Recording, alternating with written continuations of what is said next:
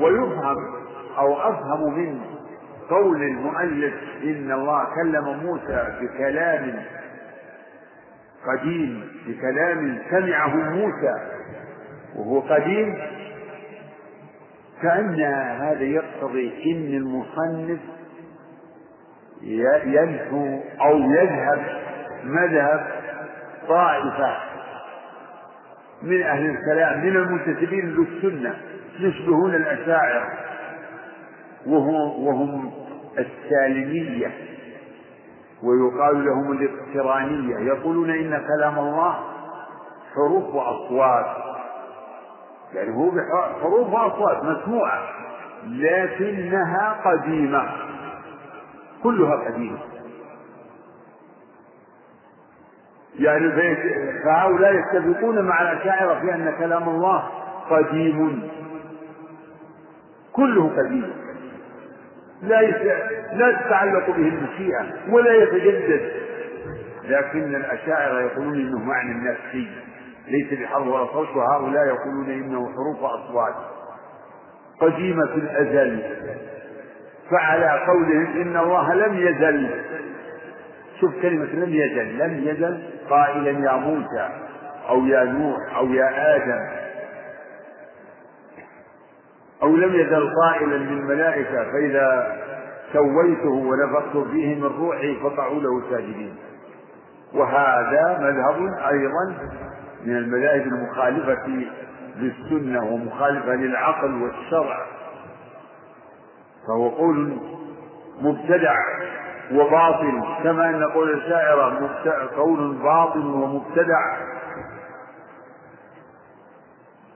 فخطابه لموسى ليس قديما في الأزل.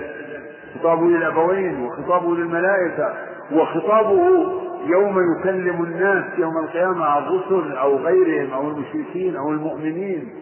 يخاطبهم بكلام يتكلم به بمشيئته سبحانه وتعالى.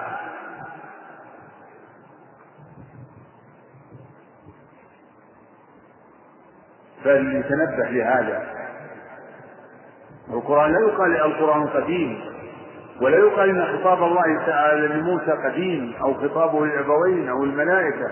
لا يقال فيه إنه قديم لكن يقال إن كلام الله قديم النوع.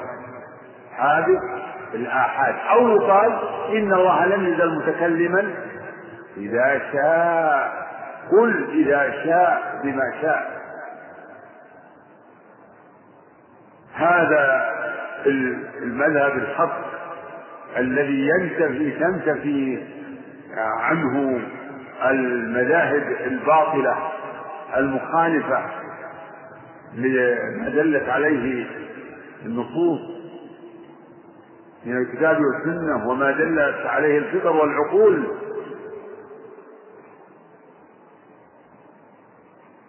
فهذا مذهب أهل السنة أن الله متكلم بمشيئته سبحانه وتعالى يكلم من شاء بما شاء كيف شاء. نعم ويجب ويجب أن نعتقد أن لله الأسماء الحسنى تسعة وتسعين اسما ما أتى إلا واحدة إلا واحدة. من أحصاها دخل الجنة والله مسلم يحب الود يقول يجب أن نعتقد أن لله أن إيش؟ أن لله الأسماء الحسنى. أن لله الأسماء الحسنى تسعة وتسعين اسما مئة إلا واحدة. وأن الله تعالى وتر يحب الوتر هذا هو معنى أو لفظ حديث. ثالث في الصحيحين وغيرهما إن لله تسعة وتسعين اسما من أحصاها دخل الجنة. مئة إلا واحدة من أحصاها دخل الجنة. وإن الله وتر يحب الوتر. فهذا معنى الحق. يجب الإيمان بأن لله تسعة وتسعين اسما. له تسعة وتسعين اسم. يعني من أسمائه أقول من أسمائه إن لله تسعة وتسعين اسما من أحصاها دخل الجنة يعني من أسمائه تسعة وتسعون اسما من أحصاها دخل الجنة من أسمائه لا أنها كل أسمائه وعبارة المؤلف توهم أن أسماء الله محصورة في تسعة وتسعين. يجب أن نعتقد أن لله الأسماء لله الأسماء الحسنى.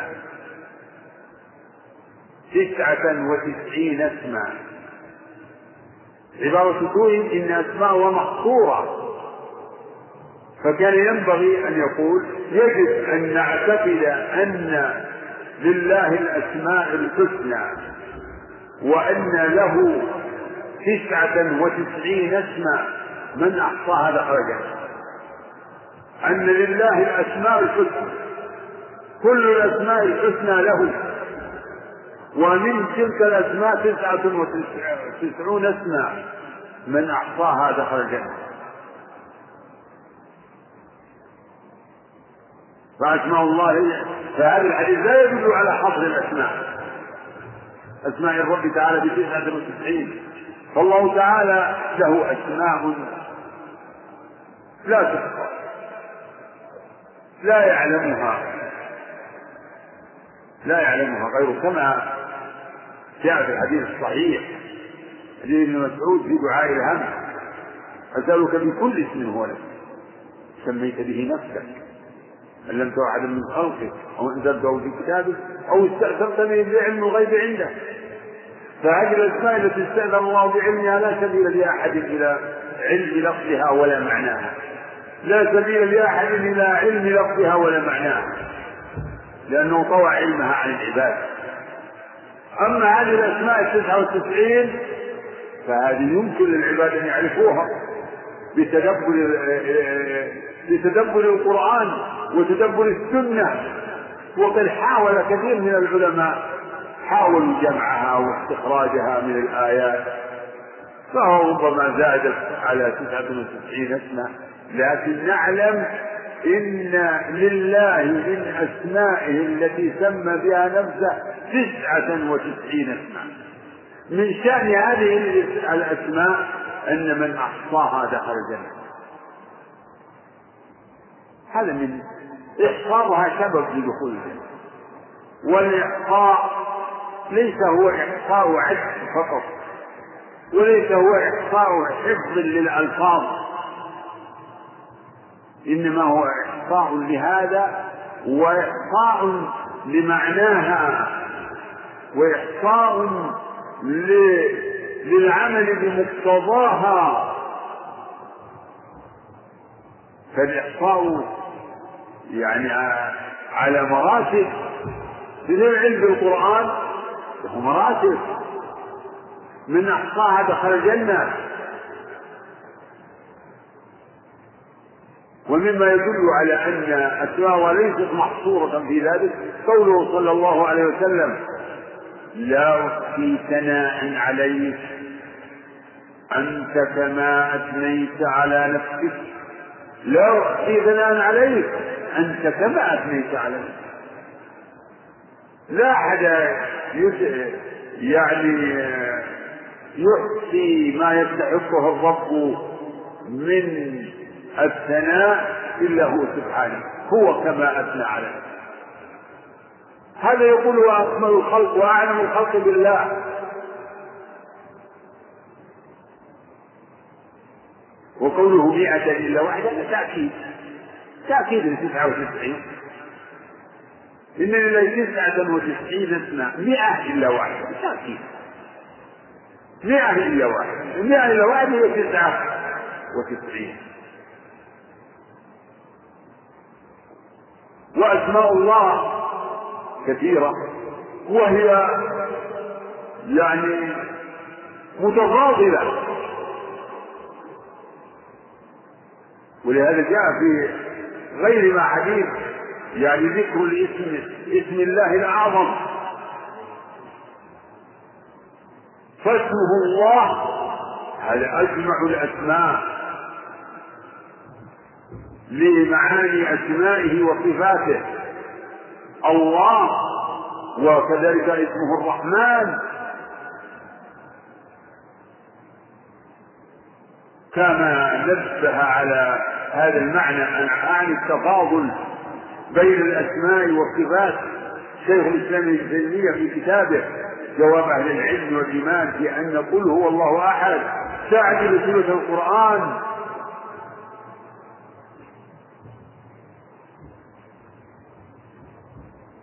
وربما استشهد بحديث إن رحمتي تغلب غضبي.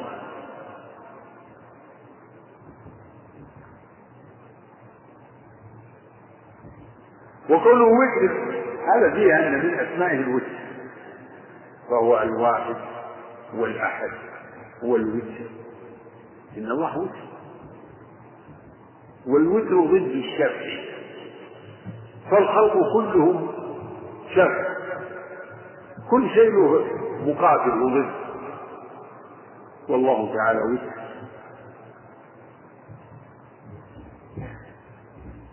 ليس له ضد ولا ند ولا نزل ولا سمي إن الله وتر يحب الوتر. وقوله يحب الوتر هذا يدل نصا على إثبات المحبة كما لا يخفى ولعله يأتي لها مناسبة.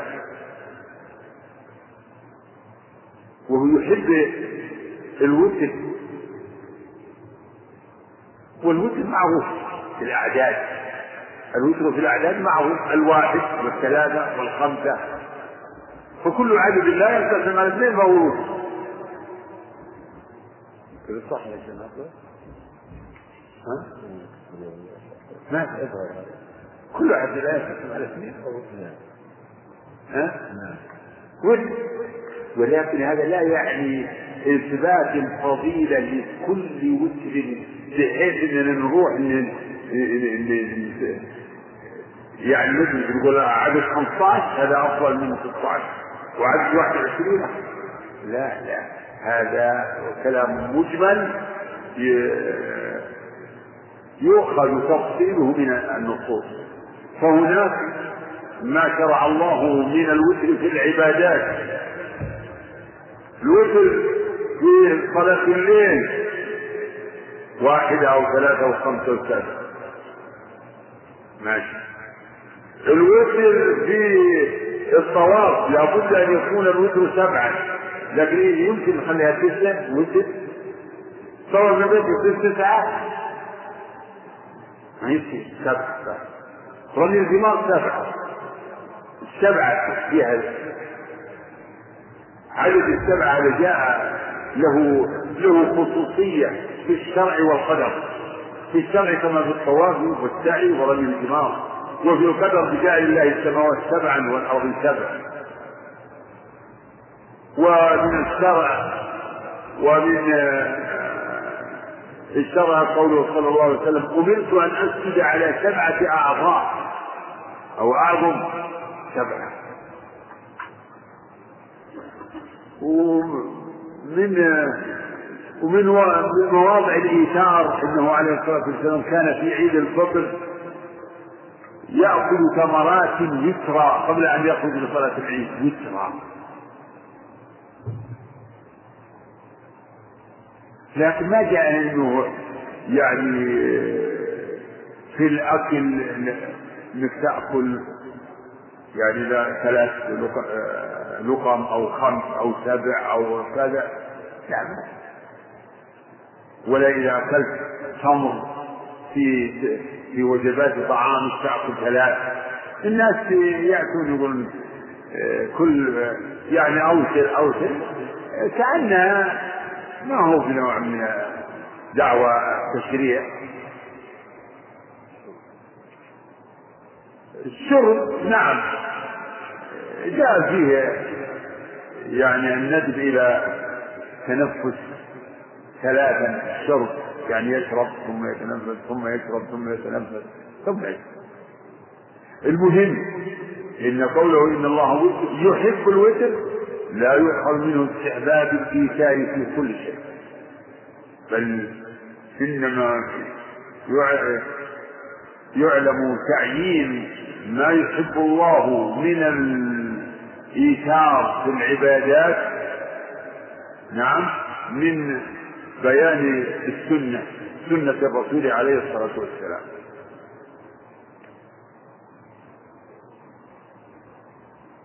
نعم بعد. إيه كذا كذا. أقول كل اسم من الآية عبد السلام وعبد الأحد وعبد الواحد وعبد الوكيل وكم يمنع؟ نعم. ويجب أن ويجب أن نعتقد أن في ويجب أن نعتقد في جميع أسماء الله تعالى أن الاسم للمسمى لا هو المسمى ولا غير المسمى بل بل اسم بل الاسم للمسمى لقوله تعالى ولله الأسماء الحسنى فادعوه بها فأضاف جميع الأسماء إليه وأدخل عليها علام الاستحقاق. يقول يجب أن نعتقد أن الاسم للمسمى فالأسماء لمن سمي بها. فلله الأسماء الحسنى. فالرحمن هو اسم لله والله اسم لله رب العالمين. وهكذا بقية الأسماء. ونسيت أن أقول لكم إن بالنسبة للتسعة وتسعين إن الحديث الثابت في الصحيحين جاء هكذا مجملا ولم يبين فيه. يعني تعيين هذه الأسماء. لكنه ورد في غير الصحيحين في رواية عند الترمذي وغيره شرط الأسماء الحسنى. مع اختلاف في في روايات في سرد الأسماء يعني في الزيادة والنقص. ولكن عند المحققين من الحديث أن الرواية سرد الأسماء الحسنى غير ثابتة. فلا تكون أصلا لأثبات كل ما ورد فيها من الأسماء. بل يفتقر يفتقر ذلك إلى دليل من آية أو حديث صحيح. ولكنها اشتملت على كثير مما مما ورد في الكتاب والسنة على كثير منه. لكن ليس كل ما ذكر في تلك الأسماء التي ذكرت في الرواية إنها من أسماء الله.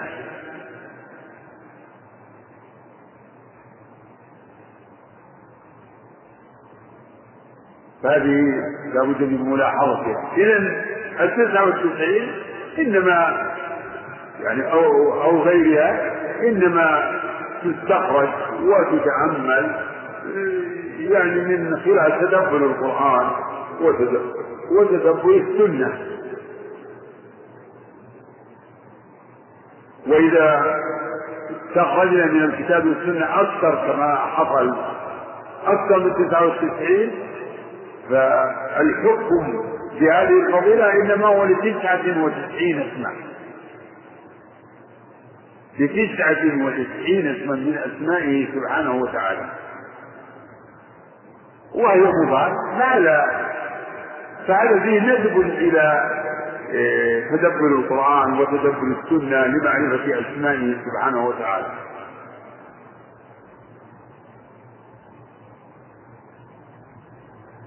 نعود إلى هذه المسألة مسألة الاسم والمسمى. يقول يجب أن نعتقد أن الاسم للمسمى هذا حق. أسماء الله لله كما أخبر. ولله الأسماء الحسنى فادعوه بها. أيما تدعو فله الأسماء الحسنى. ولكن لا نقول إن الاسم هو المسمى ولا غير المسمى. يقول لا هو ولا هو غيره.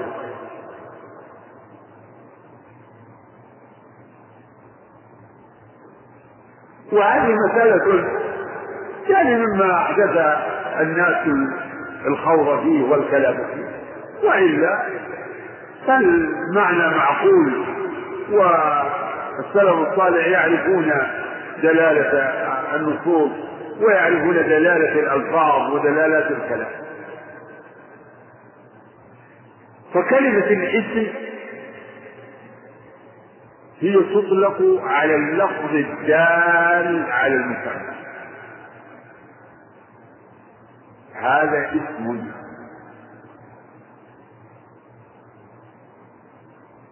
هذا اسم. فالله اسم لرب العالمين. الرحمن اسم. الرحيم اسم لرب العالمين. الملك القدوس كل ذلك من أسمائه الدالة على رب العالمين سبحانه وتعالى. والمسمى بهذه الأسماء هو رب العالمين. المسمى بهذه الأسماء هو رب العالمين. فنأتي للأصل الله. نقول هل لفظ الله هو الاسم أم المسمى؟ هذا يحتاج إذا قلنا الله رب السماوات والأرض فالمراد في هذه الكلمة المراد بها هو المسمى. هو رب العالمين. وقل مثل ذلك في الرحمن. الرحمن. هو المسمى. أم الاسم؟ أيضا يختلف. فإذا قلت الرحمن هو هو رب العالمين وأرحم الراحمين. فالمراد بالرحمن في هذا التركيب وفي هذا الاستعمال هو المسمى بهذا الاسم. لكن إذا قلت الرحمن يعني صفة مشبهة على طريقة النحوية. أو تقول الله هذا اسم مشتق. الله مشتق. أو تقول الرحمن هذا عربي. عربي. يكون الحكم الآن على ماذا؟ على اللفظ. على الاسم. على الاسم. يعني أنت تحكم على اللفظ على الاسم لا على المسمى. فمن أجل هذا الاحتمال إن إن الاسم كالرحمن تارة يطلق ويراد به المسمى بهذا الاسم وتارة يطلق ويراد به نفس اللفظ الدال. اللفظ الدال صار لا بسبب هذا الاحتمال لا أن نقول الاسم هو المسمى أو الاسم غير المسمى لأن دائما الألفاظ المحتملة يعني يحصل الغلط فيها بالاطلاق نفيا أو إثباتا. فيبدو أن كلام المؤلف يعني مستقيم. يعني إنه لا يصح إطلاق القول بأن الاسم هو المسمى ولا أن الاسم غير المسمى بل الواجب التفصيل. الواجب التفصيل. فالأسماء ولله الأسماء الحسنى. لله الأسماء.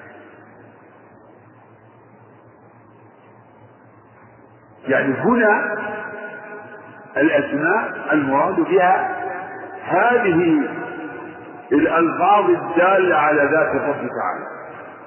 الله تعالى له من الأسماء الرحمن الرحيم الملك القدوس العزيز الجبار المتكبر المؤمن المهيمن الرزاق.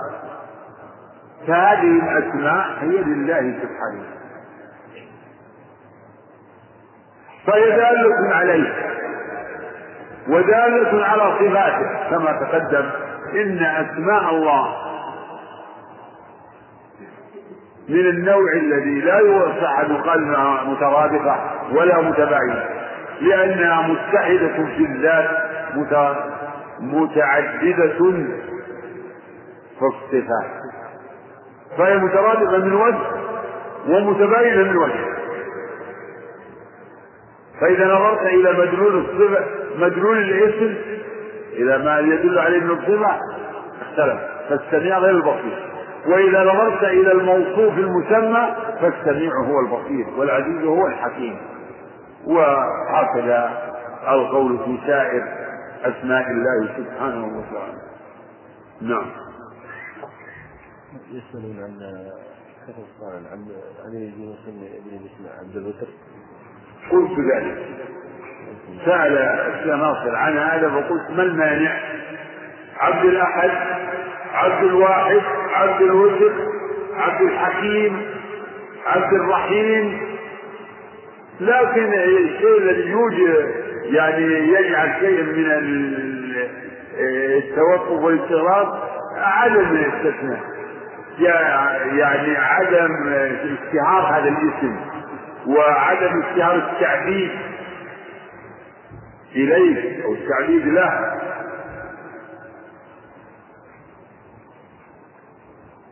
وقد كان في تاريخ المسلمين ما كان يعرف في عهد الصحابة التسمية بالتعبيد إلا لله وللرحمن. فلا تجد في أسماء الصحابة فيما أعلم إلا عبد الله وعبد الرحمن. وبعد ذلك بدأ التعبيد لبعض الأسماء مثل العزيز ويمكن الملك عبد الملك وهكذا. ثم صار الناس توسعوا.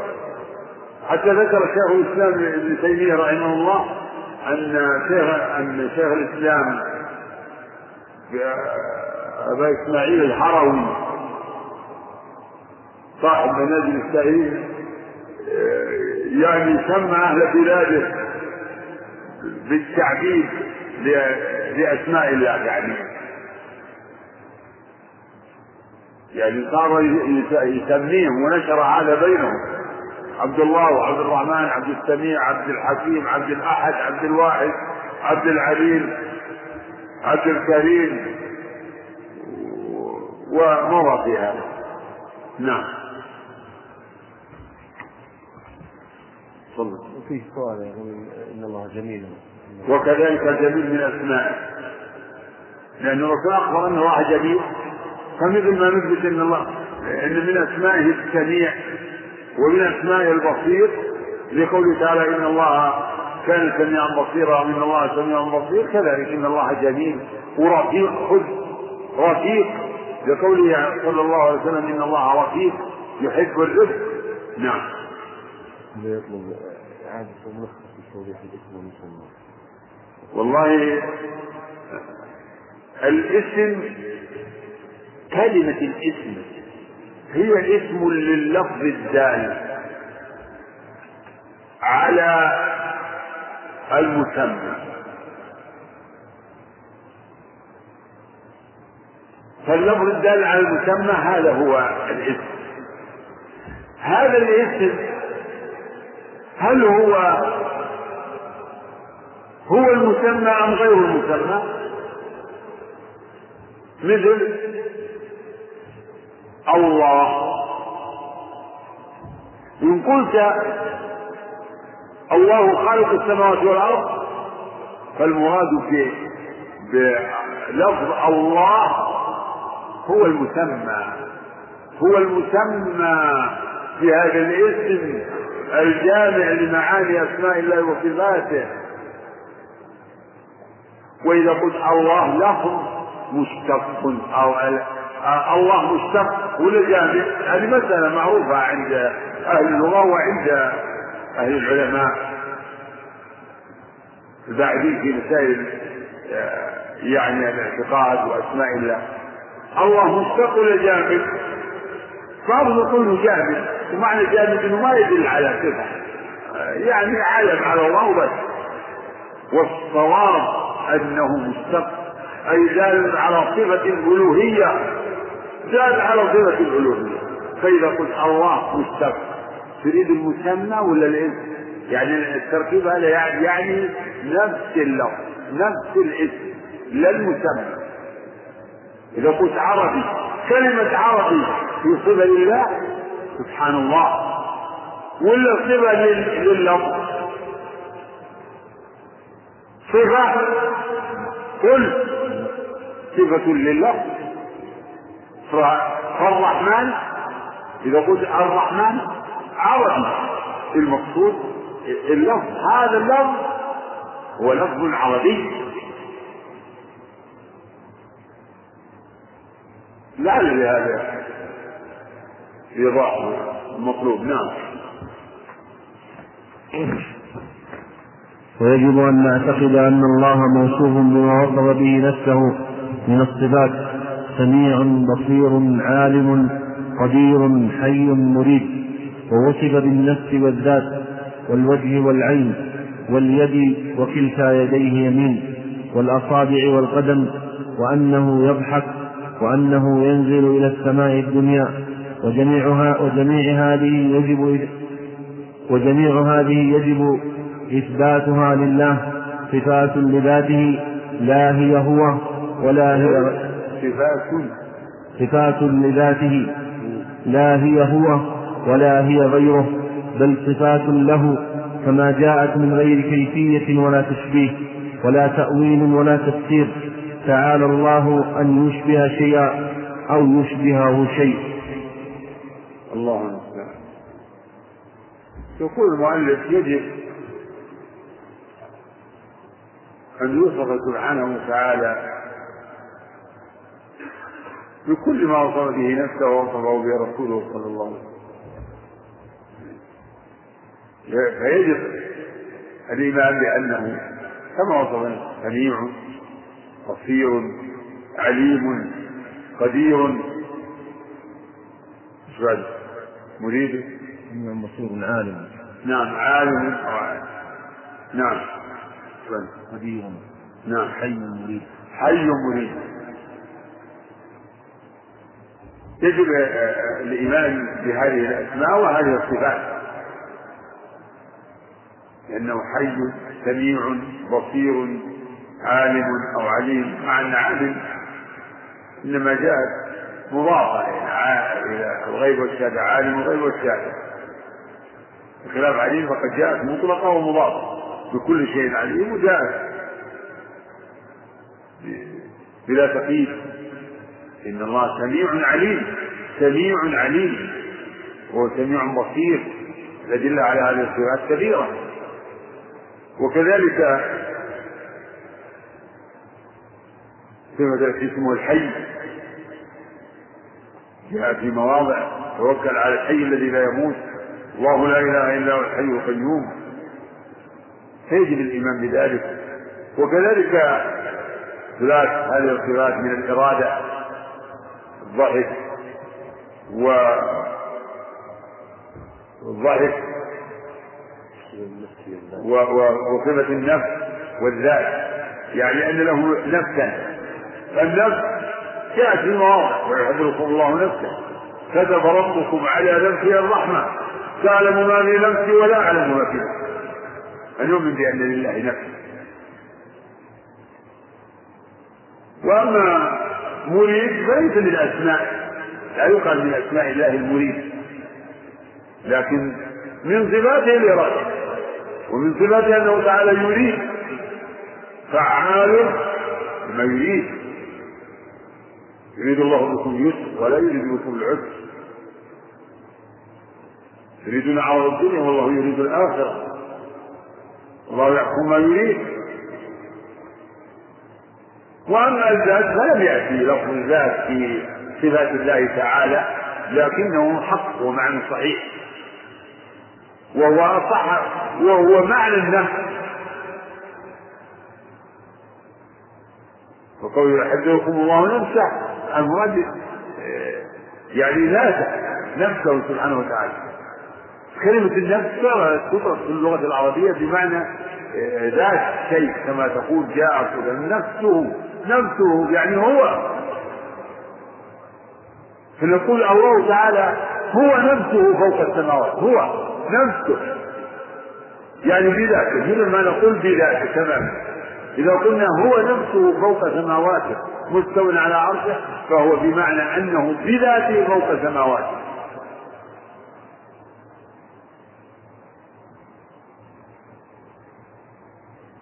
كذلك من الصفات التي يجب إثباتها لله الوجه واليدين والعينين والقدمين فأما الوجه فجاءت في في مواضع من القرآن ويبقى وجه ربك ذو الجلال والإكرام. اليدين في مواضع فاليداه مبسوطتان والعينين كما في قوله تجري في أعيننا لتصنع على عيني. القدمين كما في الحديث تضع رب العزة فيها رجله وفي رواية عليها قدمه. وجعل ابن عباس أن الكرسي هو موضع قدمين ما عليه أهل السنة فأهل السنة يثبتون هذه الصفات لله تعالى على ما يليق به. كذلك نزوله إلى السماء الدنيا كما تواترت بذلك السنة. فأهل السنة والجماعة يثبتون هذه الصفات وهذه الأسماء لله تعالى على ما يليق به. مع نفي مماثلته تعالى للمخلوقات. ونفي العلم بالكيفية فمذهب أهل السنة يقوم على هذه الأصول الثلاث الإثبات لما أثبته الله ورسوله. ونفي مماثلة المخلوقات بقوله تعالى ليس كمثله شيء ونفي العلم بالكيفية. فلا يعلم كيف هو إلا ولا والعلم بكيفية الصفات فرع عن العلم بكيفية الله. فلا يعلم كيف استوى أو كيف ينزل أو كيف وجهه أو كيف يديه أو كيف يضحك إلا والجواب عن من يسأل عن ذلك كله أن يقال الاستواء معلوم أو النزول معلوم أو الضعف معلوم والكيف مجهول والسؤال عنه بدعة. كما أجاب الأئمة مالك وغيره.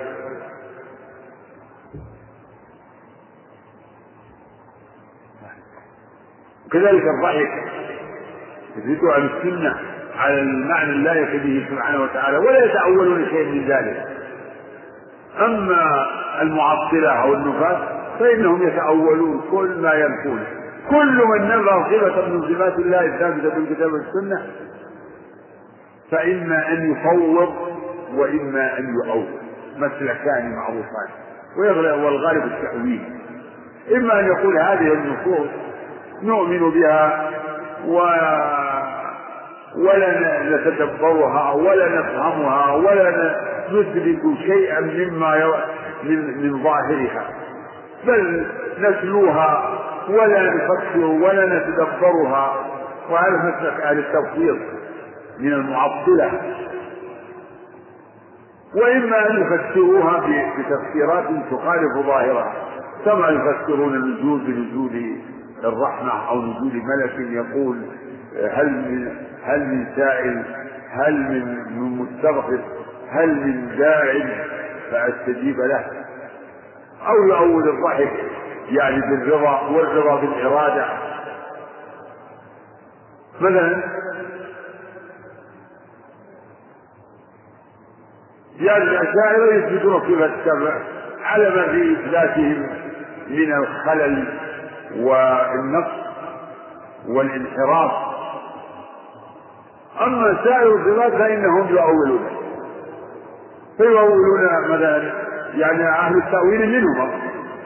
أهل التأويل منهم يؤولون الوجه مثلا بالذات أو بالثواب أو يؤولون بيديه بالقدرة أو النعمة. ويؤولون مثلا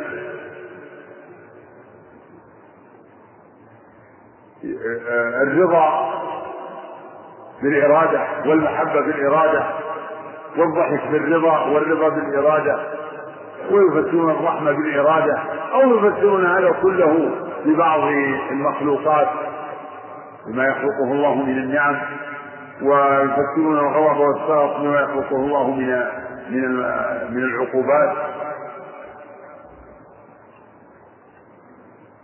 فهم يعني المهم انهم يدفعون النصوص إما بالرد إن قدروا على رده وإلا بالتأويل والتحريف. بالتحريف.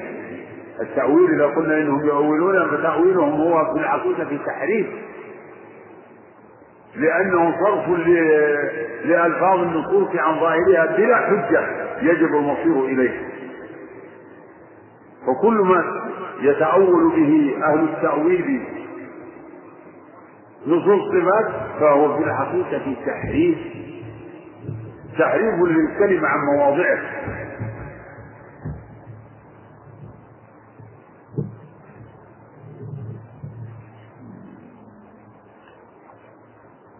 أعد النص الأخير. نعم. أعد يجب أن نعم نعم. ويجب أن نعتقد أن الله موصوف بما وصف به نفسه من الصفات. هذا حق أصل عظيم يجب أن أن نصف الله بما وصف به نفسه وبما وصفه به رسوله عليه الصلاة والسلام لأنه المبلغ عنا. نعم. سميع بصير عالم قدير. هذا أمثلة يعني. نعم. حي مريد. حي مريد. تقدم التنبيه على أن مريد ليس من الأسماء لكنه يعني من جهة الصفة. يقال الله يريد الإرادة من صفاته. نعم. ووصف بالنفس والذات والوجه والعين. قلت لكم إن الذات ما وردت إلا في أثر. الظاهر عن ابن عباس. فكروا في مخلوقات الله ولا تفكروا في ذات الله. لا تفكروا في ذات الله.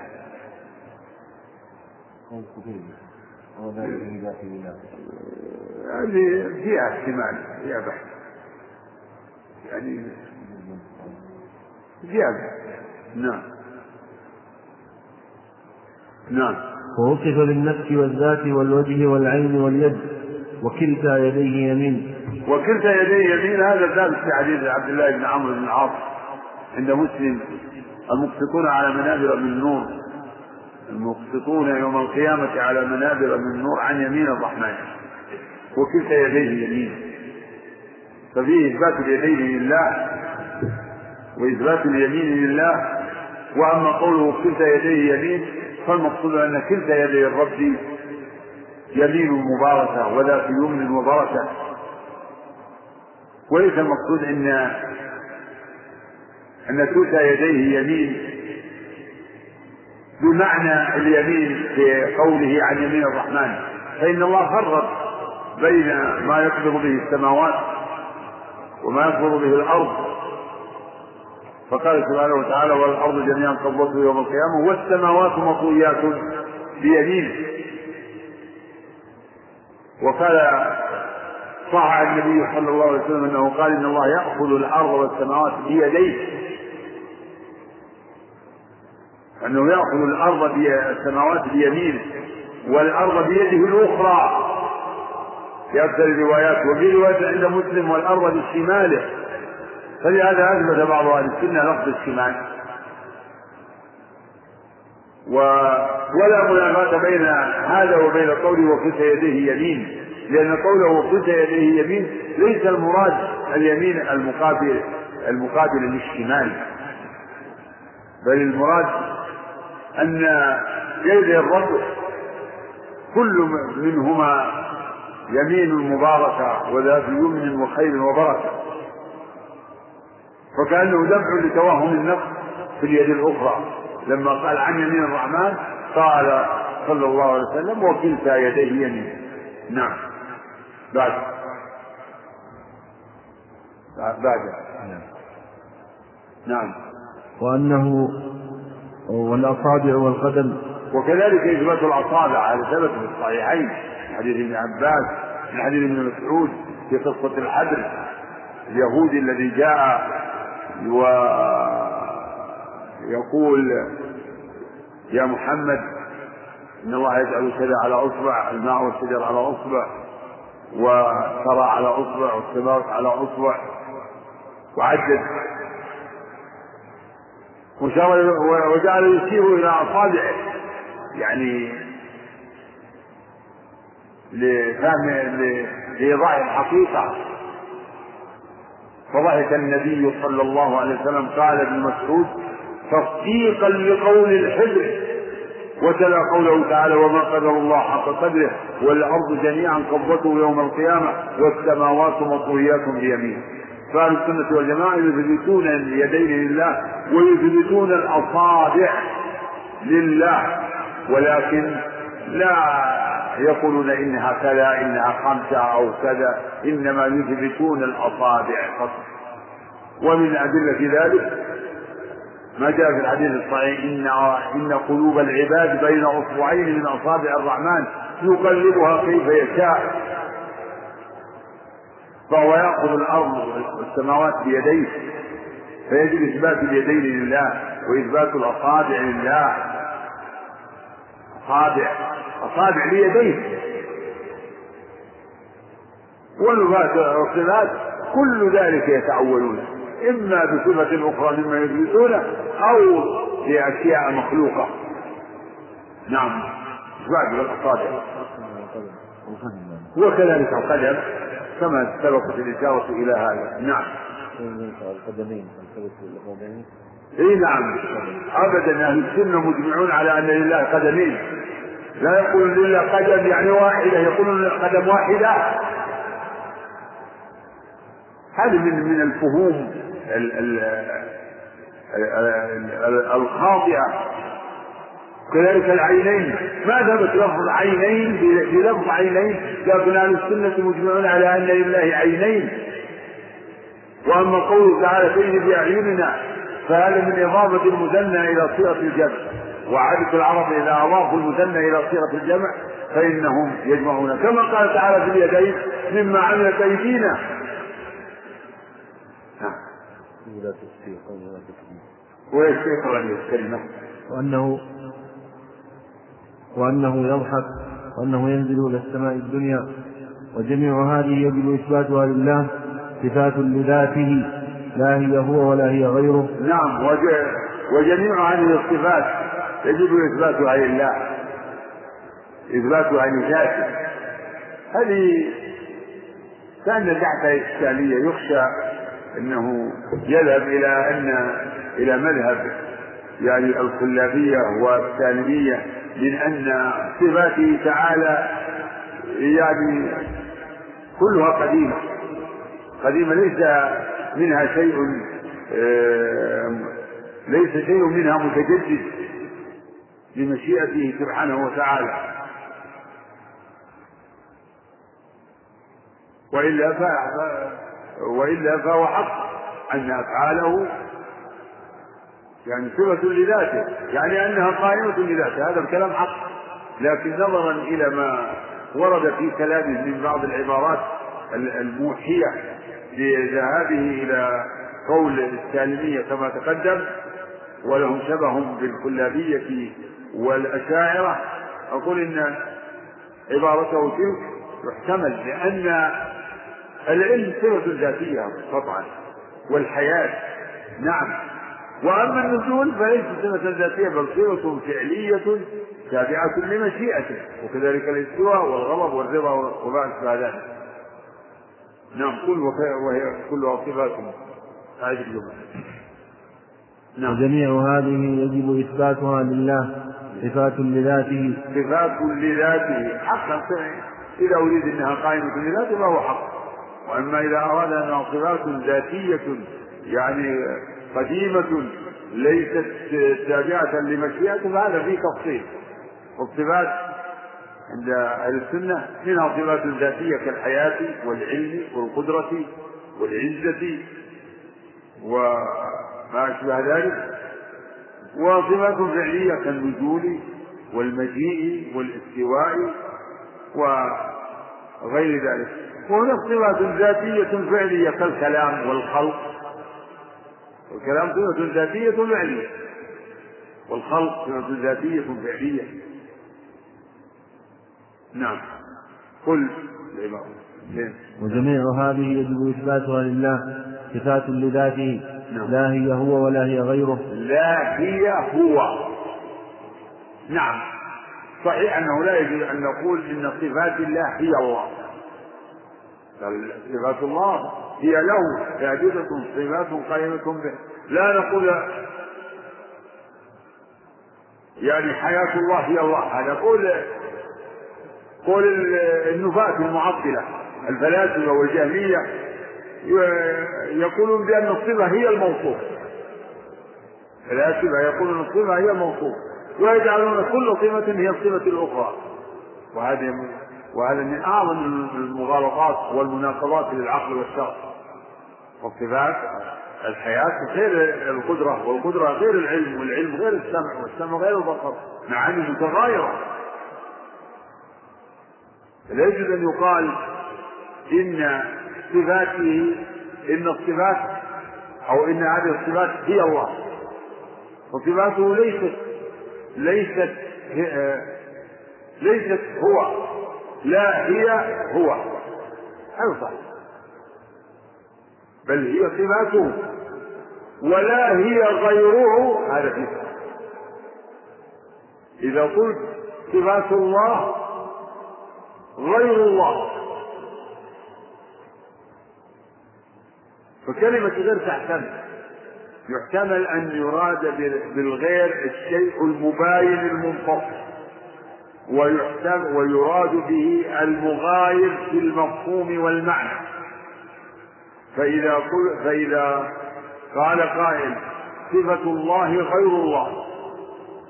إن أراد أنها غيرها أنها شيء مباين له منفصل عنه كما يقول المعتزلة في كلام الله فهذا باطل فليست غيره بهذا المعنى. وإن أريد أن صفة الله غير الله يعني من حيث المعنى الله هو الموصوف بالرحمة وبالعلم. والعلم هو صفة قائمة به. فالعلم هو صفة العالم والقدرة صفة القادر والسمع هو صفة السميع أو السامع والبصر كذلك. فإطلاق القول المؤلف يعني عبارته الأولى لا هي هو هذه عندي إنها صحيحة على الإطلاق أن صفات الله ليست هي الله. وأما قوله ولا هي غيره فهذا غير مستقيم بل لا بد فيه من التفصيل.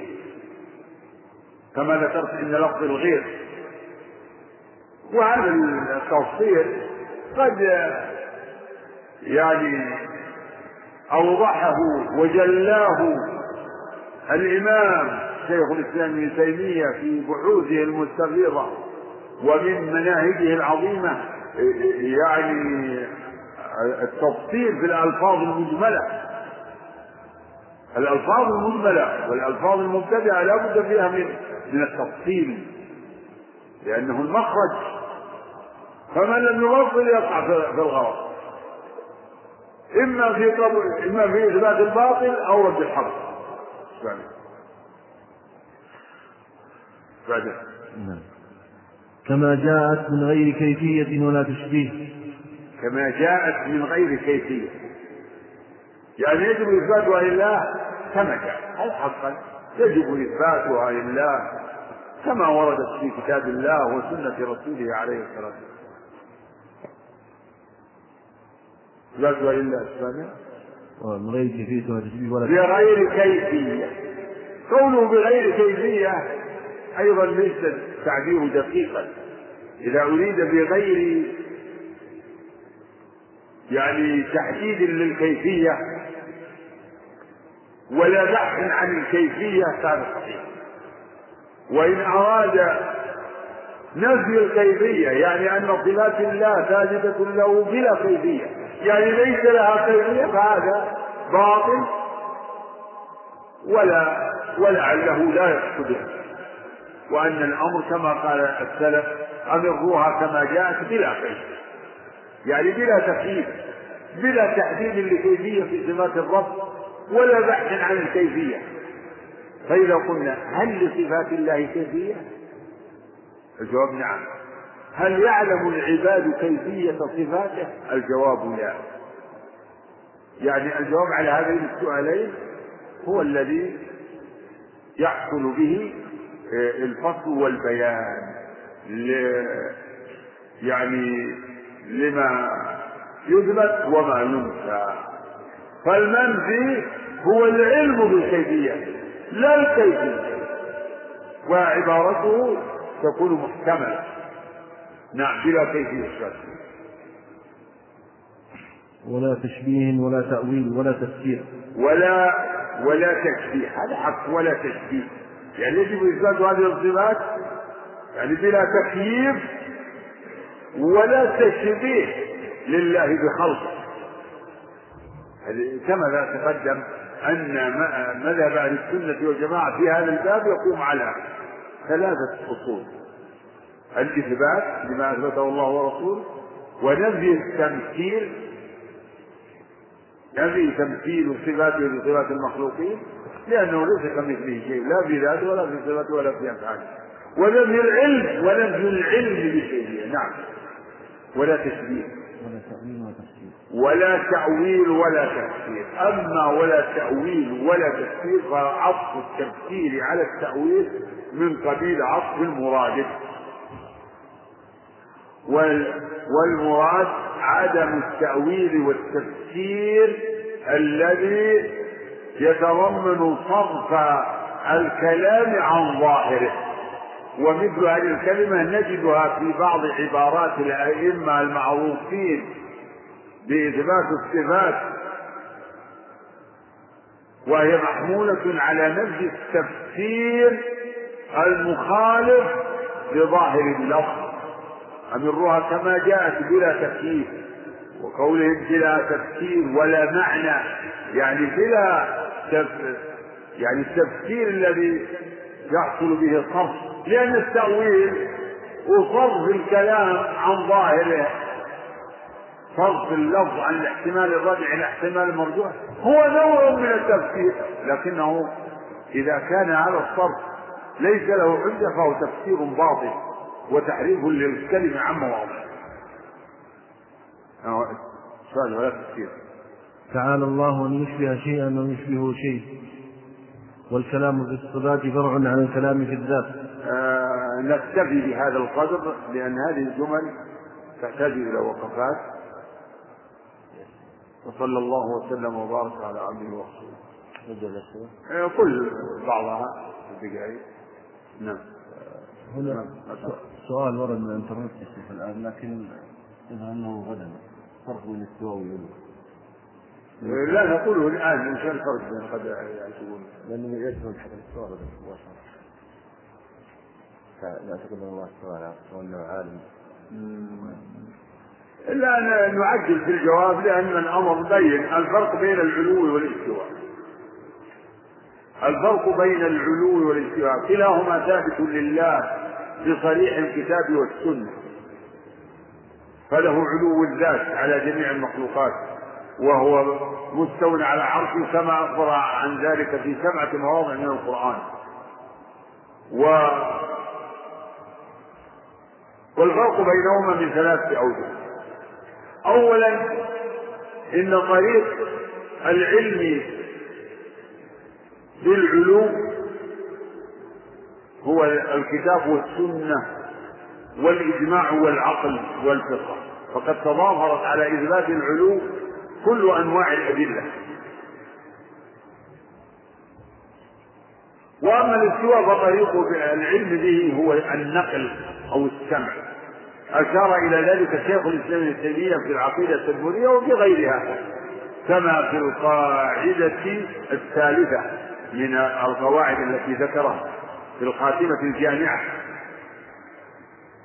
والفرق الثالث أن الاستواء متعلق بالعرش فلا يقال الله مستو على السماء الدنيا أو على السماء الثانية أو على السماء. لكنه تعالى استوى على العرش. وأما العلو فتقول الله فوق كل شيء. فوق كل شيء. فهو يعني فوق العباد وهو الخير فوق عباده.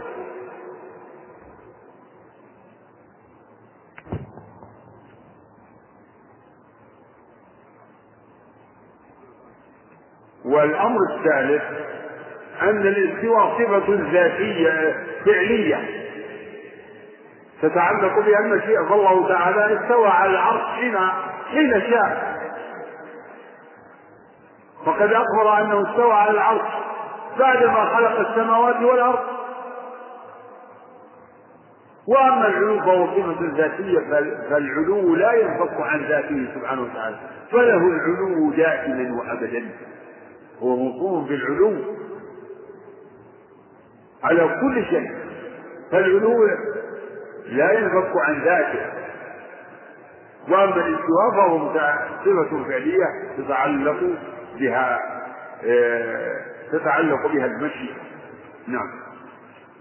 هذا يسأل يسأل عن عبارة المؤلف الصفحة التي قبل فأضاف إليه جميع جميع الأسماء إليه وأدخل عليها لام الاستحقاق. لام الاستحقاق. اللام حروف الجر لها معاني. كثيرة.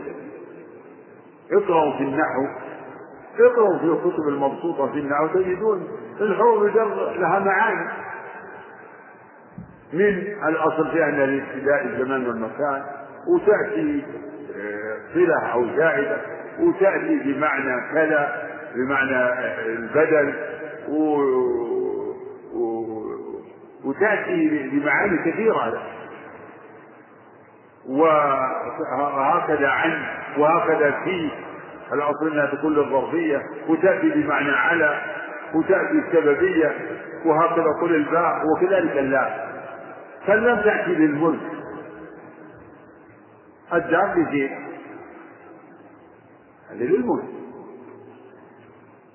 لله الدنيا والآخرة وإن لنا للآخرة والأولى للملك. وتأتي يقولون يعني للاختصاص مثل نحن بهذا المثال خذوا يقول السرج للفرس السرج ملك للفرس ها؟ فيه يعني آلة للركوب على الفرس. ويقولون وتأتي للاستحقاق ومثلوا لذلك بمثل قوله تعالى الحمد لله. الحمد لله. فاللام للاستحقاق. و والحقيقة إن أسماء الله هي مستحقة له أسماؤه تعالى وصفاته هي مستحقة له ومختصة به. فيمكن أن نقول إن اللام في في مثل ولله الأسماء الحسنى إنها للاستحقاق والاختصاص والله أعلم. كثر السؤال عن اسم الناصر. هل هو من أسماء الله؟ ليس من أسماء الله. نعم. فلا يجوز تسمي عبد الناصر. ما ينبغي. نعم. جاءت أسئلة كثيرة حول بعض الأسماء. لكن يعني من عبد هو يريد الله فلا فلا نقول إنه قد عبد لغير الله لا. فيه توسع في بعض الأسماء يسمون عبد الموجود وعبد العاطي وعبد المهدي يعني توسع في الأسماء لكنهم هم يقصدون الله وهم معبدون لله سبحانه وتعالى. نعم. يسألون في الانترنت هنا تفصيل لقول المؤلف ولا هي غيره. أنا قلت إن كلمة غير تحتمل يعني يراد بالغير الشيء المغاير المنفصل ويراد بالغير هو المغايرة في المفهوم والمعنى. فإذا قلت كلام الله غيره يعني إن معناه غير الله كلام الله صفة من صفاته. تريد إن مفهوم كلام الله غير مفهوم الله. فالله هو الموصوف بالكلام والكلام صفة. هذا معنى صحيح في الإثبات. وإذا قلت إن كلام الله غيره تريد أنه شيء مباين منفصل عنه فهو باطل. وقل مثل ذلك في سائر الصفات. نعم. تنبيه يا شيخ بس المذكرة التي بين أيديكم يا إخوة. تعديل الحاشية عند لام الاستحقاق. تعدل كما قال الشيخ لا الاستحقاق والاختصاص لا الأمر واحد. الأمر يعني لا ما هي إيش؟ إيش معنى وين؟ لكن في في صفات الله ما يقال للملك. في صفات الله ما يقال إنما هي للاستحقاق والاحتقار نعم. هذا سائل يسأل يقول نجد بعض الصفات تشتق منها أسماء كالسمع والبصر وبعض الصفات لا تشتق منها أسماء كالإرادة ونحوها. يا أخي. هذا السؤال مبني على غلط. هو القاعدة المقررة عند أهل هذا الشأن أن كل اسم متضمن لصفة وليس كل صفة يشتق لله منها. لا تجعل الاسم لا تجعل الصفة يعني تقول هذا الاسم مشتق من لا. كل اسم ما ثبت من أسماء الله فكل اسم متضمن لصفة يدل على الذات والمعنى القائم وأما الصفات كالصفات الفعلية أو أو غيرها فلا يشتق فلا يلزم أن يشتق له تعالى منها أسماء مثل النزول والمجيء والاستواء والإرادة والكلام. فليس من أسمائه المتكلم وليس من أسمائه المريد وليس من أسمائه المستوي أو النازل أو الجائع أو ما أشبه ذلك. نعم. هذا يسأل ويقول قال جلال الدين المحلي عند قوله تعالى إن ربك هو أعلم من ضل عن سبيله وهو أعلم المهتدين قال أي عالم. وقال الشيخ ابن عثيمين رحمه الله لا يصح أن نقول عن الله إنه عالم لأن الإنسان يوصف بعالم ولكن نقول أعلم كما قال الله. لأن افعل التفضيل أو كذا لأنه من افعل التفضيل. وهذا مجمل كلامه. والسؤال كيف نفرق بين قول الشيخ وبين قول المؤلف ابن شكر الشافعي؟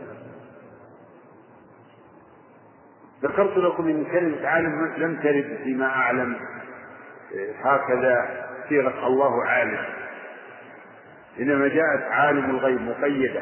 عالم الغيب والشهادة. الله تعالى عالم الغيب والشهادة. ولكن ورد اسمه العليم. مطلقا ومقيدا. عليم بكل شيء. إن الله عليم بذات الصدور. هذا في وجاء مطلقا. إن الله سميع عليم. وعزيز وهو العزيز العليم في مواضع. يعني جاء اسم العليم مطلقا مقرونا بالعزيز ومقرونا بالحكيم في مواضع ومقرونا بالسميع.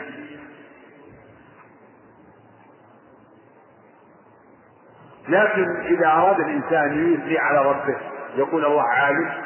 يعني إذا قلت الله عالم بما في هذا حق.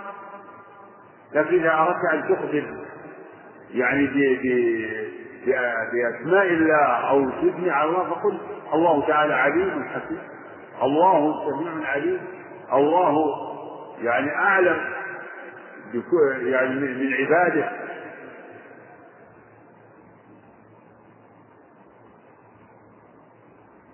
فإذا قلت الله عالم قل الله عالم بكذا طيب عالم عالم بذات الصدور يعلم ما في نفسك.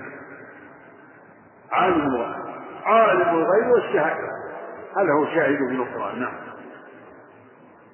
يسأل عن إثبات صفة الشخص لله.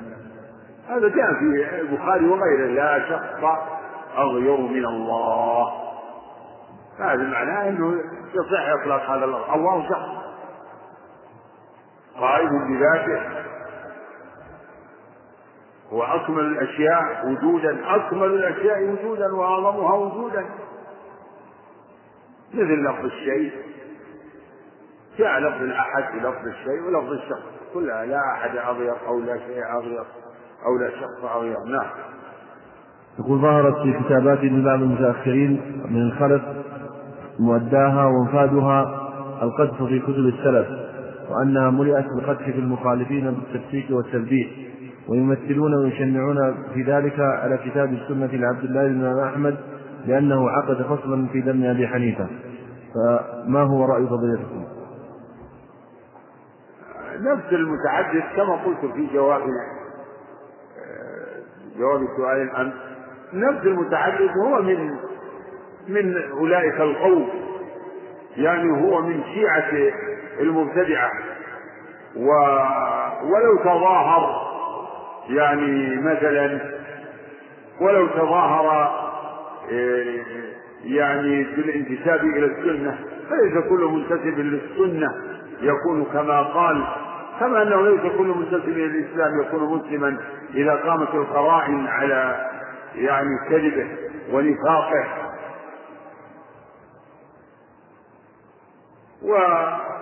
وكتب السنة كسائر كتب الحديث أو كتب المصنفة في تقرير آه، اعتقاد أهل السنة ككتب الحديث. فيها الصحيح والضعيف والحسن والضعيف وما دونه والمرويات التي تساق في تلك الكتب منها ما يذكر للاستدلال والاعتماد ومنها ما يذكر للاستشهاد ومنها ما يذكر للاعتراض لا على الاعتماد. وأما ما أشير إليه في السؤال مما ورد في آه، كتاب آه، عبد الله بن الإمام أحمد في شأن أبي حنيفة فابو حنيفة واحد من الأئمة المتبوعين المشهورين آه، المعروفين يعني بالفقه. والعناية بالقياس والاستنباط وهو بشر آه، يعني آه، كغيره. يؤخذ من قوله ويرد. فما فما قيل فيه مما ليس فيه هو مردود. وما يقال فيه مما هو ذلك لا غضب لكن يعتذر عن عن العالم. وعن المعروف بالخير ومن المعروف بالصلاح والتقى يعتذر عما ينسب إليه أو عما ثبت عنه من من خطأ. ومعروف ان أن أبا حنيفة رحمه الله يعني مشهور يعني بالعناية بالقياس ولهذا يعبر عنه في كتب أهل العلم يعبر عنه وعن أصحابه بأصحاب الرأي. وعنده و وعندهم يعني في مذهب الأحناف مخالفات كثيرة لأدلة صحيحة. واقرأوا يعني كلام أهل العلم في أو يعني ما كتبه شيخ الإسلام في رسالته القيمة المعروفة برفع الملام عن الأئمة الأعلى. فأبو حنيفة وغيره من الأئمة. هم لا يتعمدون الخطأ لكن إما أن لا يبلغهم الدليل في المسألة أو إما أو يعني يظهر لهم إنه معارض بما هو أقوى منه أو بأصل شرعي يعني يجب تقديمه عليه. فالواجب هو التوسط والاعتدال وعدم التعصب لأي إمام. هذا هو الواجب. عدم التعصب لأي امام وعدم التحامل على أي امام صلى الله وسلم. نعم. نعم قل هو أخيرا. نعم. هذا سؤال ورد من الشبكه يقول ما الذي ينبغي على المسلم أن يعتقده أن يعتقده في عود الضمير في الحديث إن الله خلق آدم على صورته؟ على كل حال المهم هو إثبات الصورة لله. فإذا أثبتت أيها المسلم أن لله وجها لا كوجوه العباد موصوف بالجلال والإكرام وموصوف بالأنوار. حجابه النور لو كشفه في حديث صحيح لو كشفه لاحرقت شبهات وجه من انتهى إليه بصره إذا أمنت بهذا فالأمر سهل. أكثر أهل السنة على ان الضمير يعود إلى الله. وأن المقصود إن الله خلق آدم يعني له وجه وسمع وبصر. لا ان صورة آدم مثل صورة الله. هذا معنى مدفوع ومردود ولا يقول به يعني عاقل فضلا أن يكون من أهل العلم والإيمان. فالله تعالى ليس كمثله شيء وجهه ليس كوجه العباد وصورته ليست كصورة أحد من من العباد. فإذا أثبت الصورة فالأمر سهل. فمن أهل السنة من تأول الحديث وقال إنه يعود إلى آدم يعني وتأول كالإمام ابن خزيمة. لكن الإمام ابن خزيمة من أئمة السنة ليس ليس من نفاة الصفات وليس هو من, من يعني من نفاة الصورة عن الله. فالصورة ثابتة لله في في غير في غير هذا الحديث. لو فرضنا إن الضمير لا يعود إلى الله فالصورة ثابتة لله في غير هذا الحديث؟ فأهل السنة والجماعة على إثبات الصفات لله ومن ذلك الوجه والصورة والنفس وما أشبه ذلك. فليتنبه إلى هذا الأمر. صلى الله عليه وسلم. بسم الله الرحمن الرحيم. الحمد لله رب العالمين. والصلاة والسلام على أشرف الأنبياء والمرسلين. صلى الله على محمد وعلى آله وصحبه وسلم تسليما كثيرا. قال المؤلف رحمه الله تعالى والكلام في الصفات فرع على الكلام في الذات. فإذا كان إثبات الذات إثبات وجود لا إثبات كيفية وتشبيه فكذلك إثبات الصفات. ليس كمثله شيء وهو السميع البصير. وليس وليس ما وصف الله تعالى به نفسه ووصفه به ذرية تشبيها. الحمد لله والصلاة والسلام على رسول الله وعلى آله وصحبه. ومن اهتدى بهداه. قول المؤلف والكلام في الصفات فرع عن الكلام في الذات. فإذا كان إثبات الذات إثبات وجود لا إثبات تكييف وتشبيه فكذلك الصفات. هذا كلام جيد وهو أصل معقول. يقال في التعبير عنه القول في الصفات كالقول في الذات. هو معنى قول الكلام في الصفات كالكلام في الذات. هذا القول في الصفات كالقول في الذات. يعني ما يجب أن نقول في الذات وأن نعتقده في الذات من الإثبات ونفي التمثيل ونفي العلم بالكيفية يجب أن نقوله في الصفات كذلك. يجب. فالذات ذات ذات مسمى واحد وموصوف. ذات رب العالمين. والصفات صفاته. فلا يجوز التفريق بين المتماثلات الذات والصفات كلاهما مضاف إلى رب العالمين.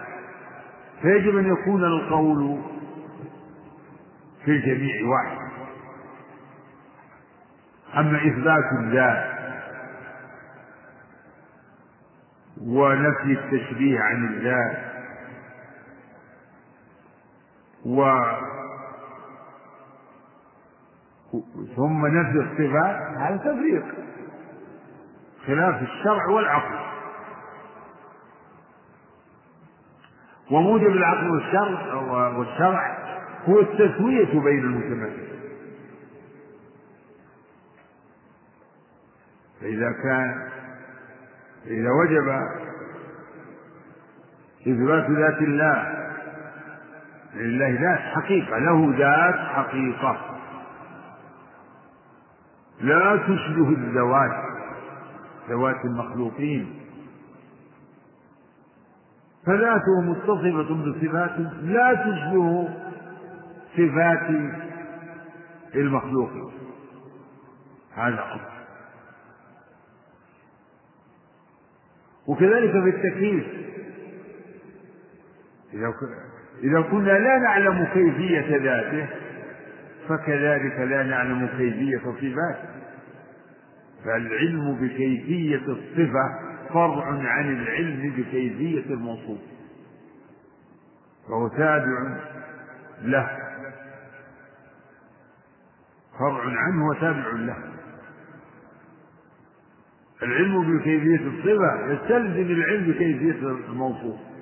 فإذا كان لا فإذا كنا لا نعلم كيفية الموصوف امتنع أن نعلم كيفية لأن انتفاء اللازم يقتضي انتفاء الملزوم.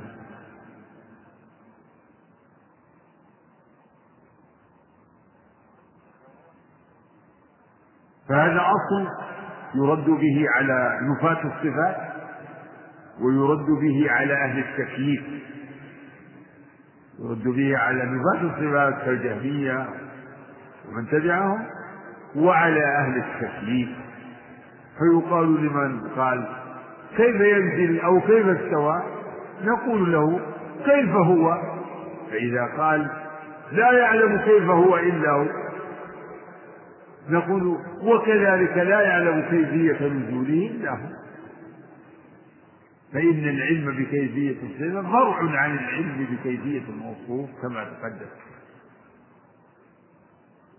وليس ما وصف الله به نفسه أو وصفه به رسوله صلى الله عليه وسلم تشبيها. وهذا تعبير مأثور عن الإمام نعيم بن حماد قال في قوله من شبه الله بخلقه كفر ومن جعل ما وصف الله به نفسه كفر وليس ما وصف الله به نفسه ولا رسوله تشبيها.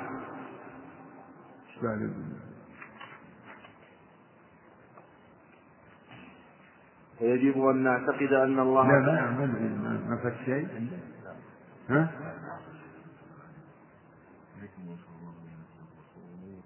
نعم.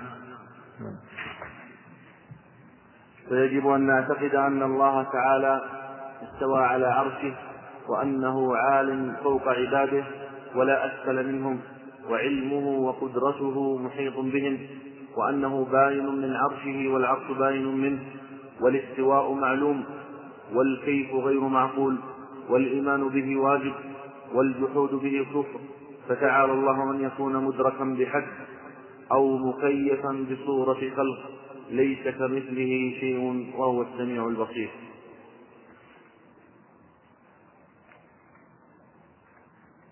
هذا من تفصيل ما سبق لأنه يجب أن نصف الله بما وصف به نفسه أو وصفه به رسوله عليه الصلاة والسلام من غير تحريف ومن غير تعطيل ولا تكييف ولا تنزيل هذا أصل عام في جميع ما جاء في الكتاب والسنة من صفات الله. وعلى هذا الأصل نقول يجب أن أن نؤمن ونعتقد بأن الله عال على الخلق لكن العلو مما وصف الله به نفسه العلو على المخلوقات والاستواء على العرش يجب أن نعتقد أن الله عال على خلقه عال على جميع المخلوقات يعني فوق جميع المخلوقات. والأدلة على العلو كما تقدم يعني متضافر. وقد تضافرت عليه دلالة الكتاب والسنة والإجماع والعقل والفقه. والأدلة السمعية النقلية أنواع كثيرة. منها وصفه بالعلو وهو العلي العظيم. هو العلي بكل معاني العلو علو الذات وعلو القدر وعلو القهر هو العلو. له العلو بكل معاني هو العلي على خلقه.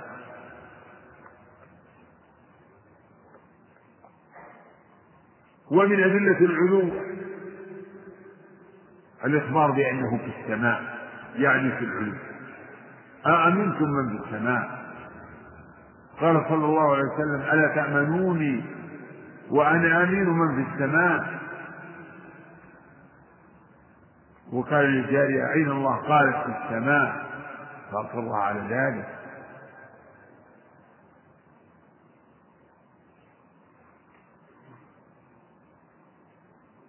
ومن أدلة العلو أخبره تعالى بعروج بعض المخلوقات إليه تعرج الملائكة والروح إليه في يوم كان مقداره خمسين ألف سنة.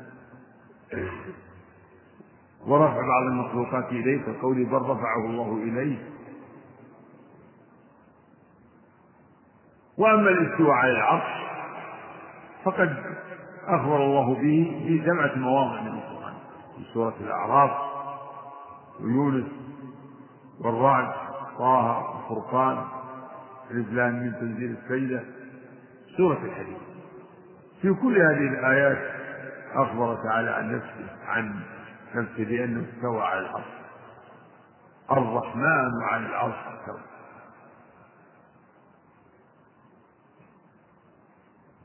فيجب أن نؤمن بهذا وهذا. نؤمن فنثبت لله العلو بكل معانيه ونثبت له الاستواء. بمعناه المعروف. فإن الله خاطب عباده بلسان عربي مبين. والاستواء في اللغة العربية يدل على العلو والارتفاع والاستقرار. وقد جاءت هذه الألفاظ عن السلف في تفسير الاستواء. كما يقول ابن القيم رحمه الله في في النونية ذكر يعني هذه المعاني لكن قال ولهم عليها عبارات أربعا عبارات أربع قد فصلت للفارس الطعان وذكرها في النظم علو والارتفاع والاستقرار والصعود.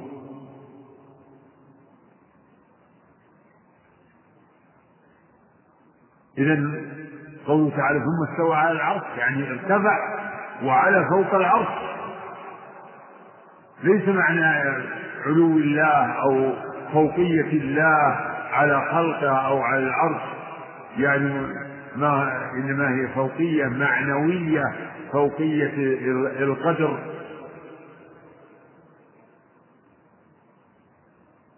يقول المعطلة نفاة العلو والاستواء حقيقيين يقولون إن علو الله علو قدر. كما تقول الذهب فوق الفضة.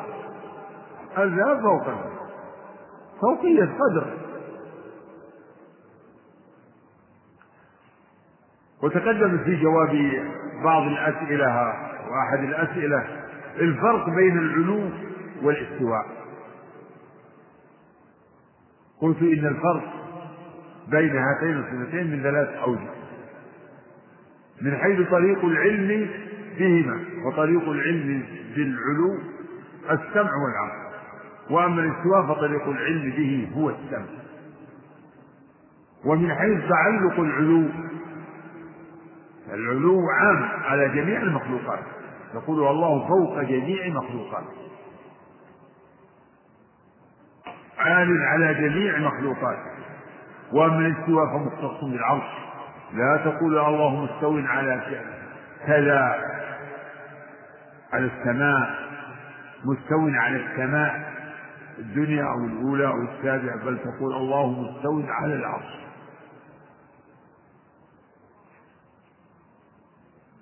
وتقول الله فوق العرش. صحيح. فالاستواء يستلزم العلو. الاستواء على العرش يستلزم العلو. وأما العلو فكما قلت يعني أنه ما يستلزم الاستواء على العرش فالله لم يزل عاليا على كل شيء. له العلو والفرق الثالث لعلي ذكرته أيضا وهو أن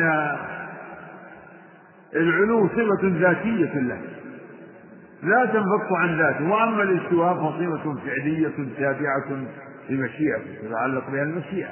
لأنه فعل من أفعاله. ولهذا أخبر بأنه استوى على العرش بعد خلق السماوات والأرض. ثم إن ربكم الله الذي خلق السماوات والأرض في ستة أيام ثم استوى على الأرض.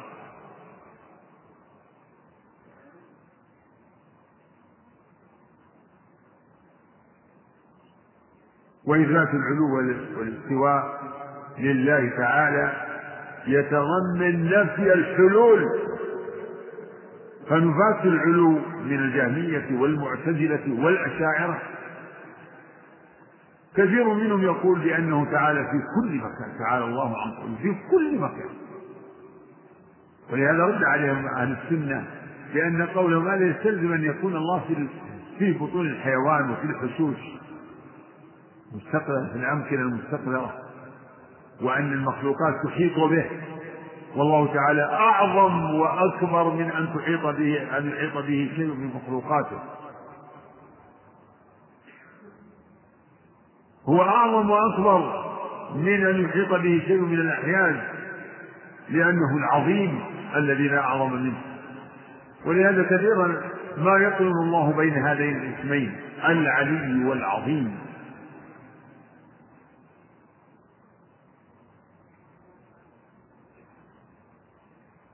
وهو تعالى إذا فوق مخلوقاته كما قال في السنة. فوق سماواته على عرشه بائن من خلقه بائن. بائن من خلقه. معناه أنه ليس حالا في شيء من المخلوقات. ليس داخلا في شيء من المخلوقات. ليس في ذاته شيء من مخلوقاته ولا في مخلوقاته شيء من ذاته. هذا تفسير قول أهل السنة وأئمة السنة إنه تعالى بائن من خلقه. هذا معنى ليس في ذاته شيء من مخلوقاته ولا في مخلوقاته شيء من ذاته. بل هو فوق جميع مخلوقاته عال على عرشه سبحانه وتعالى.